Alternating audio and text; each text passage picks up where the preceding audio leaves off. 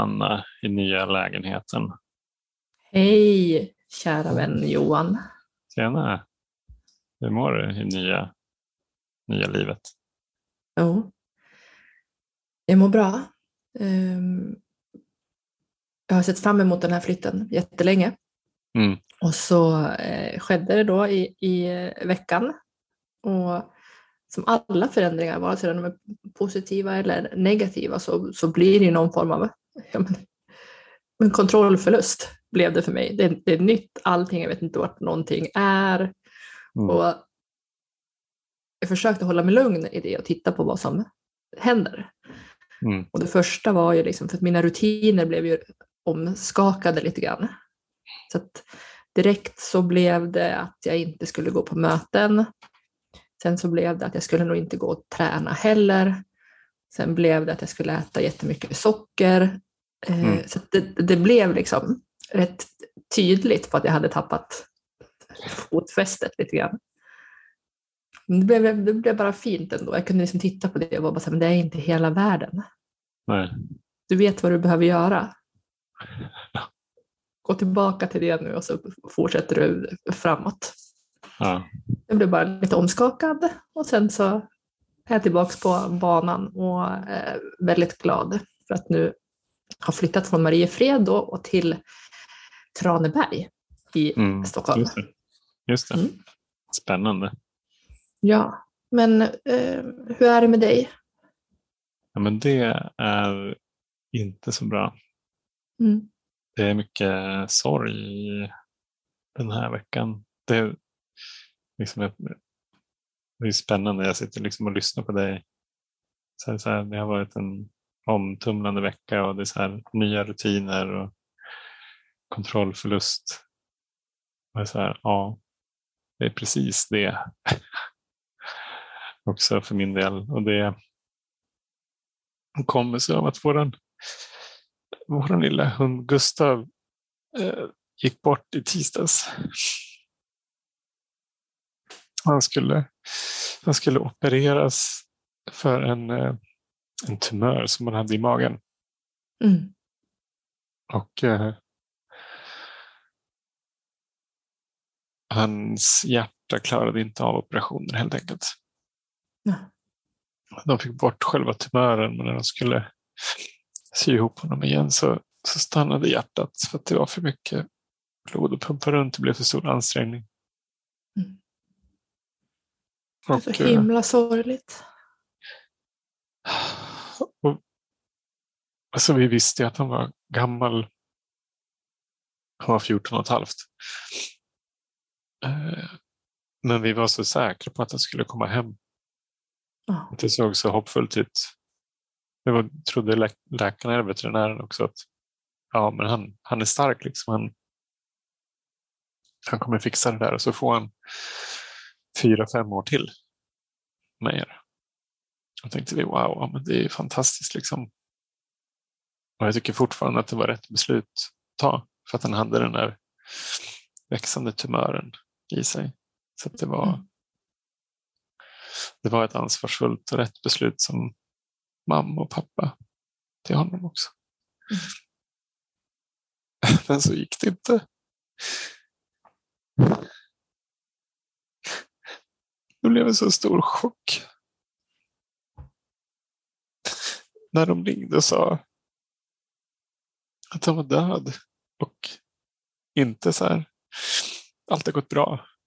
Vi kan hämta honom imorgon. I onsdags då.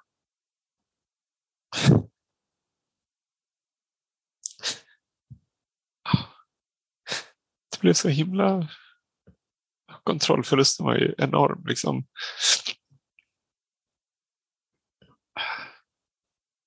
Först trodde vi att de pratade om fel hund. Det kunde Ja. inte vara liksom vår Gustav. Som tur var så min fru Josefina sa att vi, fick, vi går ner allihopa och säger hej då. Och jag har varit väldigt rädd för liksom allt som har med döden att göra. Så jag kände först att så här, "Uff, nej, men det där kommer inte jag klara av. Liksom. Men jag är glad att vi, att vi gjorde det. Det var en, värsta resan jag har gjort. Som åker för att säga farväl till en död familjemedlem. Liksom. Ja. Men det kändes ändå fint att få hålla honom. Han var fortfarande varm. Och det var som att han bara sov. Typ.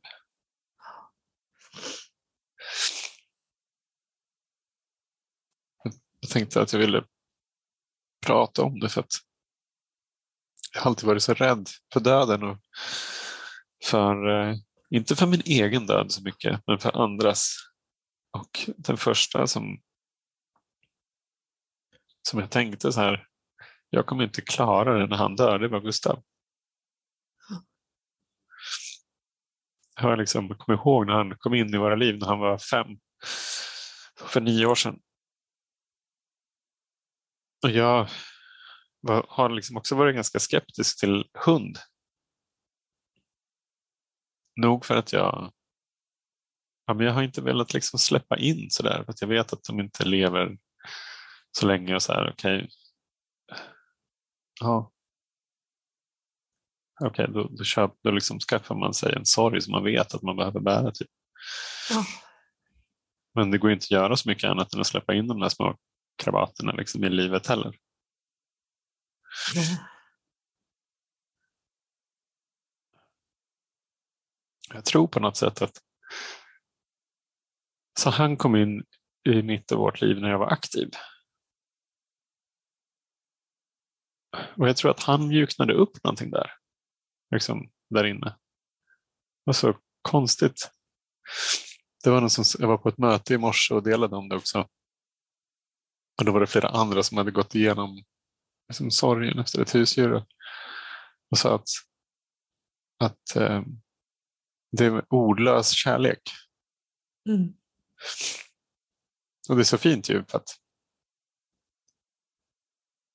det finns liksom ingen det finns ju en agenda, det är så här, ge mig mat.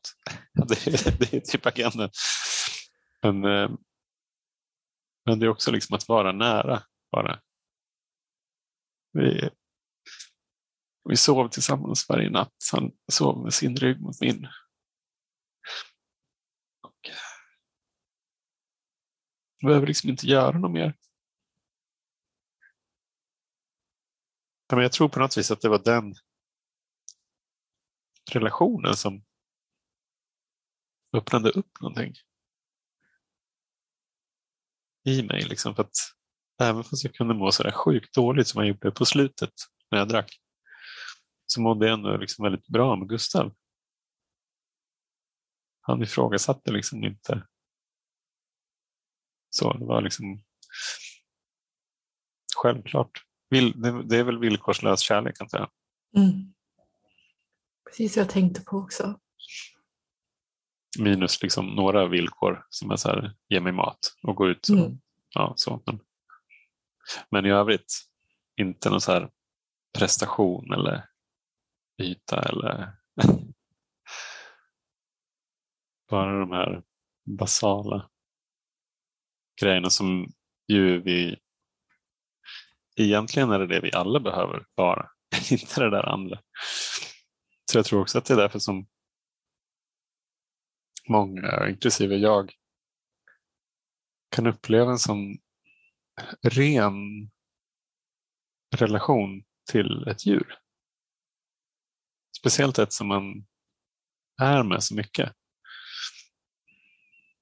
Varje morgon, varje kväll, liksom under dagen, ibland med på jobbet.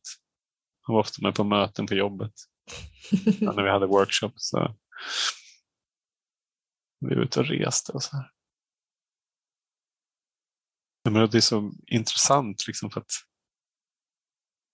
det är något i mig som tänker att jag inte ska klara av det. Mm. Att jag ska gå sönder. Även fast, jag inte, även fast jag vet att det inte är sant så har jag aldrig vågat jag har nästan aldrig vågat liksom kliva in i hur känns det när han går bort. Nu befinner du dig där. Och nu är jag där. En av dina Och- värsta rädslor. Ja, precis. Och så sitter jag i en podd och pratar om det. Alltså det är egentligen helt absurt. Men eh, det är tydligen så vi funkar. Mm. Och uppenbarligen så går jag ju inte sönder. Men jag är väldigt ledsen.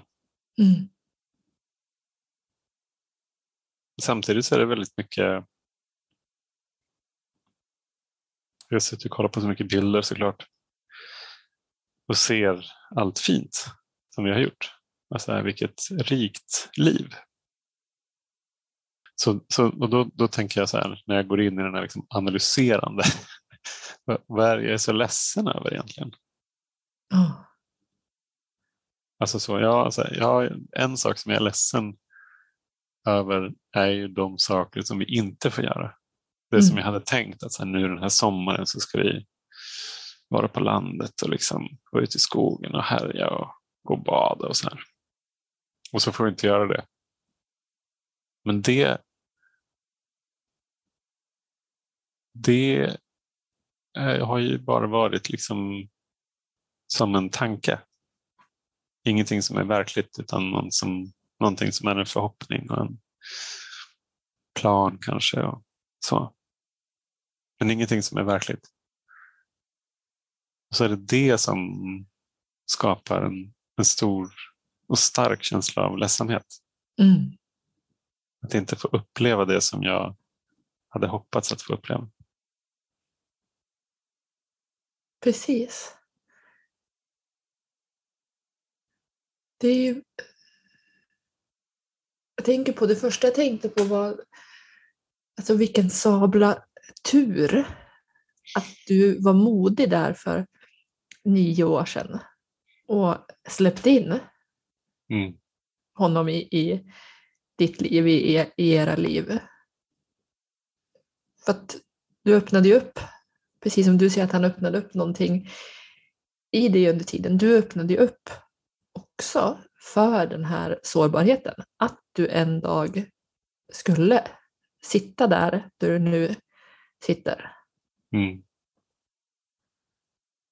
Och skulle du inte gjort det så skulle du inte haft den här fina, fina men vad ska vi säga, boken med alla de här minnena, med alla de här kapitlerna och alla de här historierna och alla de här grejerna som du och Gustav har gjort tillsammans. Då skulle du ha hoppat över mm. det.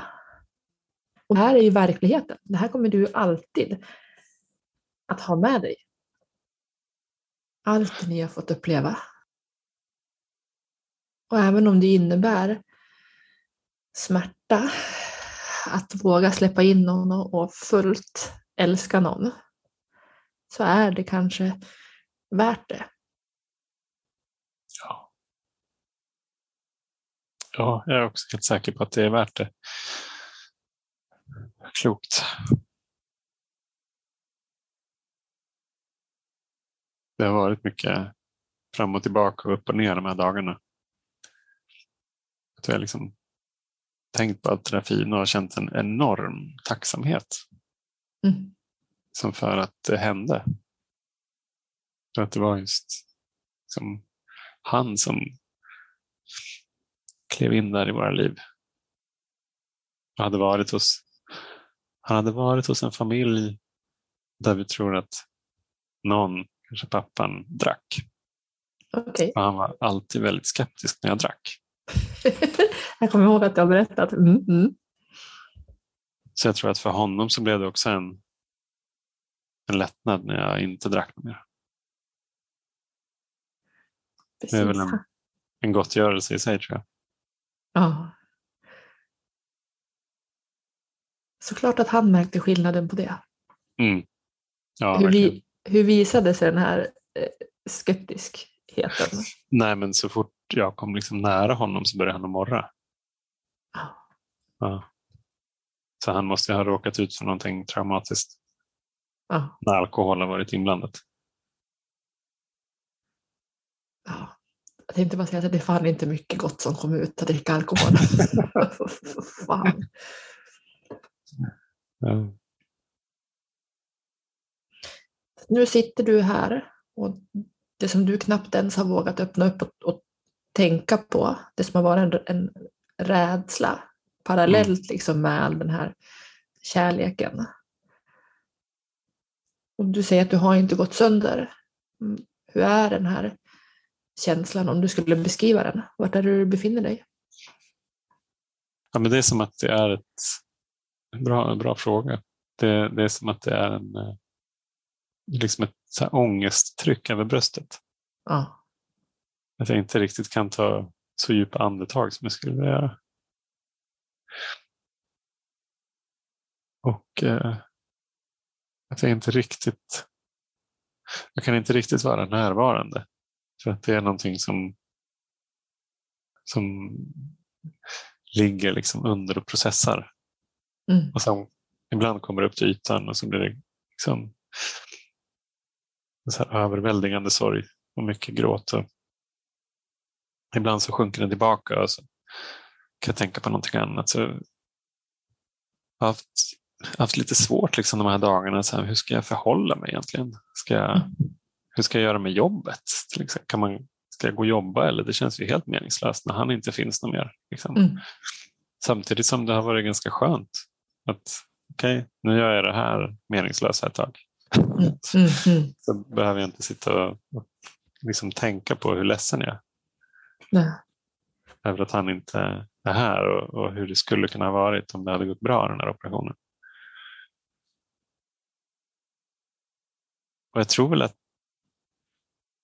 jag, vet inte, jag har tänkt ganska mycket på det där att i, i nykterheten så säger vi så här, men det handlar om att leva livet på livets villkor. Mm. Och jag tror för mig så är det att kunna liksom vara nykter både när, det- när någonting är väldigt, väldigt bra och när någonting är väldigt dåligt. Mm. Att inte, att inte eller vill vilja kanske ibland, men så här, att inte behöva fly bort Mm. från känslor av sorg till exempel. Mm. Eller för den delen att behöva förstärka känslor av glädje. Precis. Att det bara kan få vara. Och att det är okej. Ja. Att inte agera ut på något sätt, precis som jag delade där i början av, Ja, av, av avsnittet. Precis. Eh, att inte agera ut, att inte fly någonstans, att vara i acceptans. Mm. Och sabla svårt alltså. Ja. Precis, det här är, det är, ju, det är ju nykterheten. Att bara helt och fullt vara i det som du befinner dig i nu. Och släppa, släppa taget om att försöka göra det bättre. Släppa taget till att försöka liksom, att inte gräva ner sig i sorgen. Mm. Nej, precis. Hur gör man, Exakt. hur gör man det här då Johan? Nej, men jag, tror. Nej, men jag tror att eh, jag har ju tur också för att jag får göra det, hantera det här, gå igenom det här tillsammans med Josefina och Elma. Mm. Och vi pratar mycket. Eh, framförallt jag och Josefina som kan stötta varandra i... Det, det är som att vi liksom turas om lite grann och vara ledsna och stöttande. Mm. Att någon, det kommer någon så här ång, eller ångest, det kommer någon sån sorgvåg som sköljer över. Då kan jag vara där för Josefina. Sen så en halvtimme senare så är det min tur. Mm. och, att, ja, men jag tror att, och, att prata om det som, som känns jobbigt och att också prata om det som har varit fint. Ja. Kommunicera. Alltså att, att fortsätta kommunicera. Precis, och att våga gå dit även fast det kanske kommer de här känslorna som, som du beskrev. Att det blir ännu mer tryck runt bröstet eller som, som Mm. att hjärtat liksom vrids om av, Mm. av smärta. Men ändå våga lyfta på locket och prata om de här grejerna.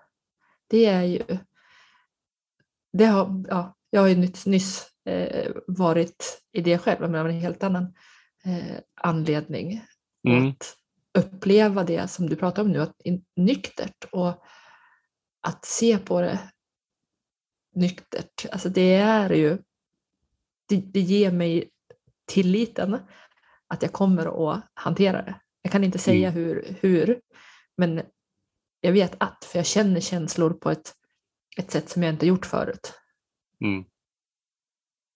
Vad har du lärt dig mer i den processen? Jag... eh, Min, men det här, när jag har lyssnat på avsnitt innan så eh, var min största rädsla att bli lämnad. Och att bli Mm. lämnad då av min, min dåvarande partner eh, som en dag sa att vi inte skulle vara tillsammans mer. Mm. Eh, och då ja, öppnades ju svarta hålet upp. Men istället för att ramla ner i det så klev jag runt det eller svävade över det. Eller, du vet, jättemärkligt. Men jag hamnade inte i det utan jag, jag tog steg framåt. Och där kommer vi tillbaka till att, att applicera stegarbetet på att ringa ut, att som du gör nu, prata om det. Inte försöka liksom kapsla in det i mig själv och, och att be såklart, men att prata om mina rädslor som dök upp efter den här, liksom, min, min största rädsla hade in, in, befriats. Mm. Och jag sa många gånger att det är liksom som någon ökenvandring, för jag vet inte när ljuset ska komma, liksom, eller när det här som nu ska bli bättre ska komma, Mm. utan jag måste bara göra det jag ska och fortsätta framåt. Lite grann kanske som, men det var ju så diffust, men när eh, jag precis hade kommit in i, och börjat jobba i stegen i, i programmet från första början när jag var nykter, Mm. att var bara så här, jag, får- jag får bara lita på att det här kommer. För jag, jag vet fasen inte hur jag ska göra. Jag får lita på att det här blir bra och bara ta en minut i taget, en timme i taget, en dag i taget. Mm. Så kommer saker och ting att hända. Och det har det ju eh, gjort. Jag kan inte sätta fingret på någon exakt händelse eller någon dag, men trycket eh, lättar ju. Mm. Och när jag så, träffade då honom, hade några möbler kvar och sånt där nu för några veckor sedan. Så satt vi och pratade fint om, om och jag sa så här, nu blir det slutet på ett kapitel eh, Mm. som vi har haft. Han bara så här, nej men det är slutet på vår bok. Mm. Vår eh, bok som vi har haft tillsammans. Och där finns det massa minnen och fina grejer. Mm. Jag blir också rörd. Mm. Fint sätt att se det tycker jag. Ja. Att också titta på att det som har varit bra, att inte ångra någonting som har varit. Nej. Jag gör mitt bästa. Och nu blev det så här. Och jag kan inte påverka det på något sätt. Mhm. Nej, precis. Hur lång tid tog det för dig innan du som kom till den insikten?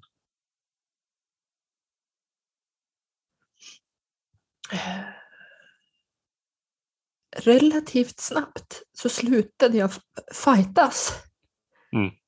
mot det önskar att det var på något annat sätt.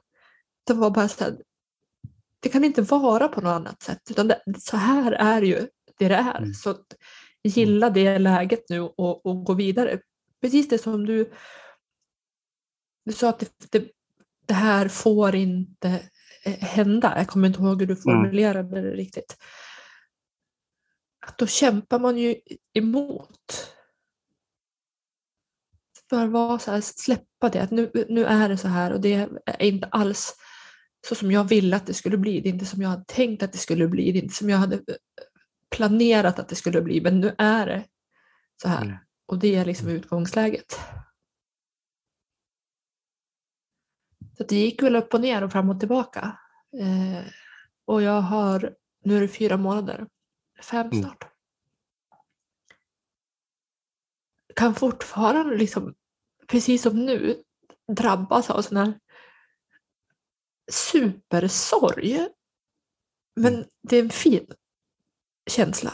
Såklart att den är läskig för att den blir lite ångest över bröstkorgen och sådär. Men det är någonting som behöver komma ut. Mm. Någonting som behöver sörjas. Alltså, som jag har förstått så är liksom sorgen en, det är en nödvändig process och inget ont som liksom på alla sätt ska tryckas bort. Nej, precis. Det, det är nog också det som jag har varit rädd för. Liksom själva sorgen. Att sörja. Ja, Alltså att jag inte skulle fixa det på något sätt och kanske framför allt utan alkohol. precis. Men eh, jag har tänkt ganska mycket på det där. Jag vet inte om vi har pratat om det i podden också, men det är ungefär som att vår känslomässiga utveckling liksom stannar av när vi, när vi börjar dricka och liksom börjar hantera, inom citattecken, och hantera känslor med hjälp av alkoholen. Mm. Och jag gjorde ju det från att jag var 15 typ. Och så, och så var det typ så i 20 år. Mm. Och innan, och jag har aldrig upplevt någon, någon närstående som går bort. Så att jag har aldrig blivit exponerad liksom för den händelsen och därmed heller inte sorgen. Vare sig i det liksom nyktra livet innan jag var 15 eller det aktiva från 15 till 35 eller liksom i nykterhet. Så att jag har ju ingen liksom, sorgberedskap. Det är nu jag får lära mig det. Mm. För först så här, att jag kan. Att det går. Och sen lite grann hur. alltså på något vis. Så det, det, var, det var också en av anledningarna till varför jag tänkte att ja, men det här behöver vi prata om i podden. Ja. Det är liksom en förmåga att lära sig. ja, absolut. Så, så det, det jag inser nu när vi pratar om det faktiskt är så här. Jag försökte ju skapa trygghet för mig genom att skydda mig från saker som är sorgsna. Till exempel att Gustav skulle dö. Men det var ju ett dysfunktionellt skydd. För att jag kan ju inte kontrollera att han inte ska dö. Det, det går inte. Så att det där, den här tryggheten kommer ju inte. Alltså den är ju, den är ju en illusion, den här tryggheten. Liksom. Så det, förut så försökte jag ju skapa den genom att jag inte ens tänkte på att han skulle kunna dö. Så jag tänker nu att så här, om, jag lär mig att jag kan sörja och hur jag gör det, då, då skapar det en annan trygghet. Alltså då vet jag att nästa gång jag behöver göra det så vet jag i alla fall att jag gjort det en gång. Ja, Och det tycker jag är vad nykterhet och tillfrisknande handlar om mycket. Att bygga på med känslomässiga förmågor. bra sagt. Nu sitter jag igen sådär, du vet, med huvudet nickande, tittar lite snett uppåt för att det är insikter på gång. Ja, visst. För det är ju det är intressant att här, ta, ett, ta ett steg tillbaka och bara kolla på liksom, den här processen som vi har haft en halvtimme. Mm. Jag, menar, jag har varit i liksom, jättejobbiga känslor och liksom, gråt som jag inte vet om jag kan om det kommer att sluta någon gång. Och sen så kan jag också sitta och skratta för att, för att det är sådana känslor också. Ja, Så att det, det handlar ju någonstans, tänker jag nu, om att så här, kunna härbärgera och hantera liksom alla olika typer av känslor.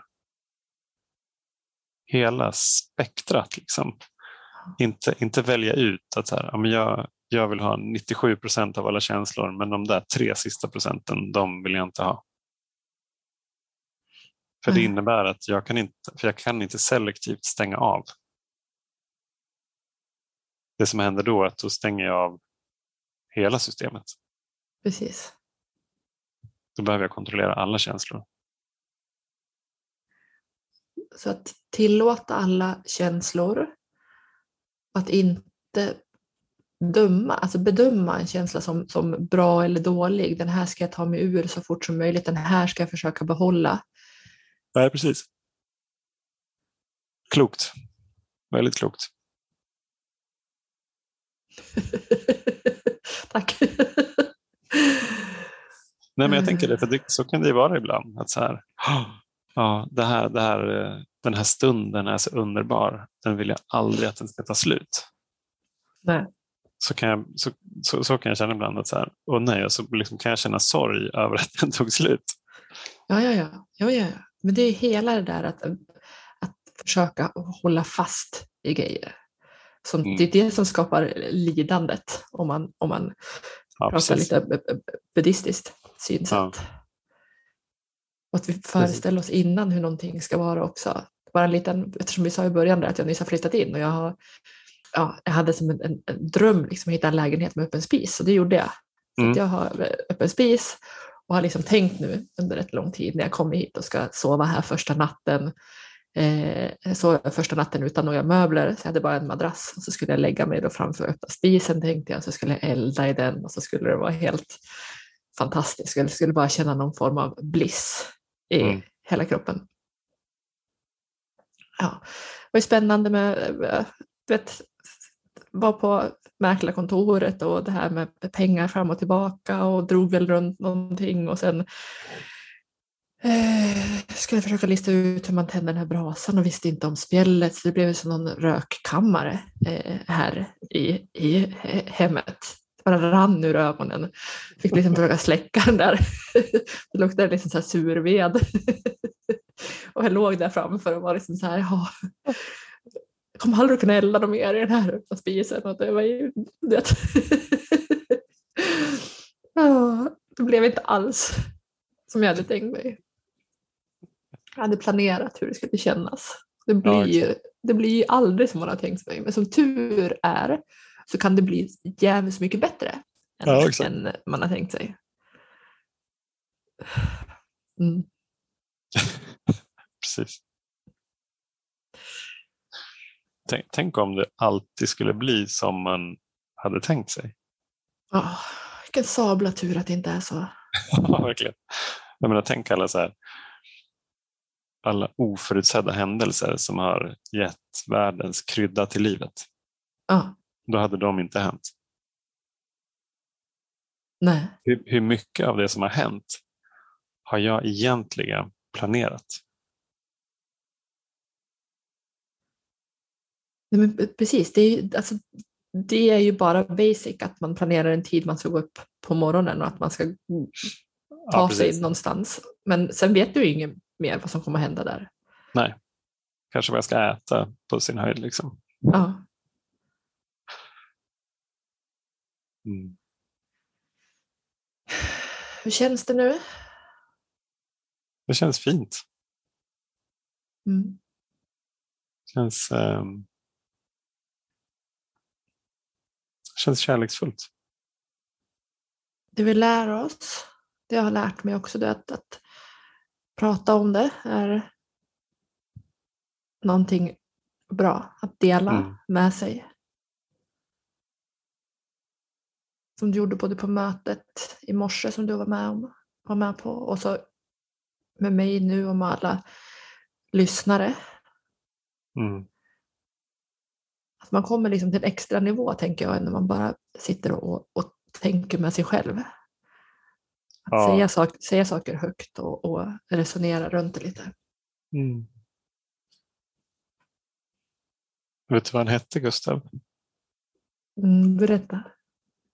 Han hette, det här är alltså inte namnet som vi gav honom utan som han hade från uppfödaren. Han hette Liten bedårande Gustav Söderkung. Åh, fint. Fint. Ja. Mm. ja, han var fantastisk.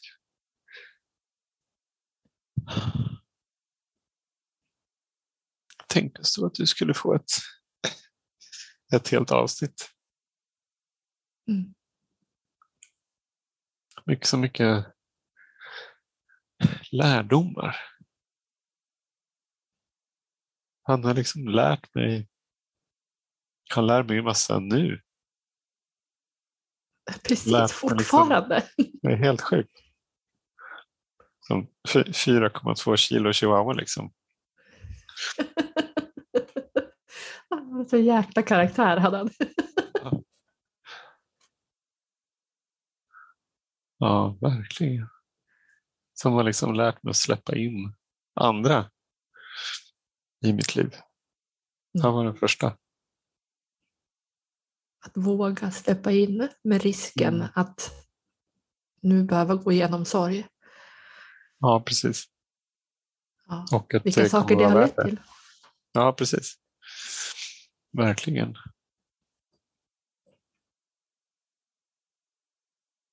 Ja. Jag tror inte att jag hade... Det var ju liksom en utmaning att vara husse till den här lilla Gustav kan man säga. Mhm. Apropå gränser och tuff kärlek och allt sånt. Mm. Det låter som att man har, har fått gå igenom en, en, en bra skola. Ja, det var en bra honom. föräldraskola tror jag. Ja. Ja. Han var Dog of Honor på vårt bröllop. Mitt hus i love it. Ja, så ni hör ju, vi hade, vi hade en nära relation med våran hund. Vi ska se till att vi lägger ut en till bild också så att ni får se. Jag tycker Ja. jag äl- älskar någon från Alma var jätte, jätteliten. Han låg med, eller han låg i den här som man gungar istället för barnet. Ja. Ja. Mm. Ja. Vad fint att vi kan skratta mitt i alltihopa.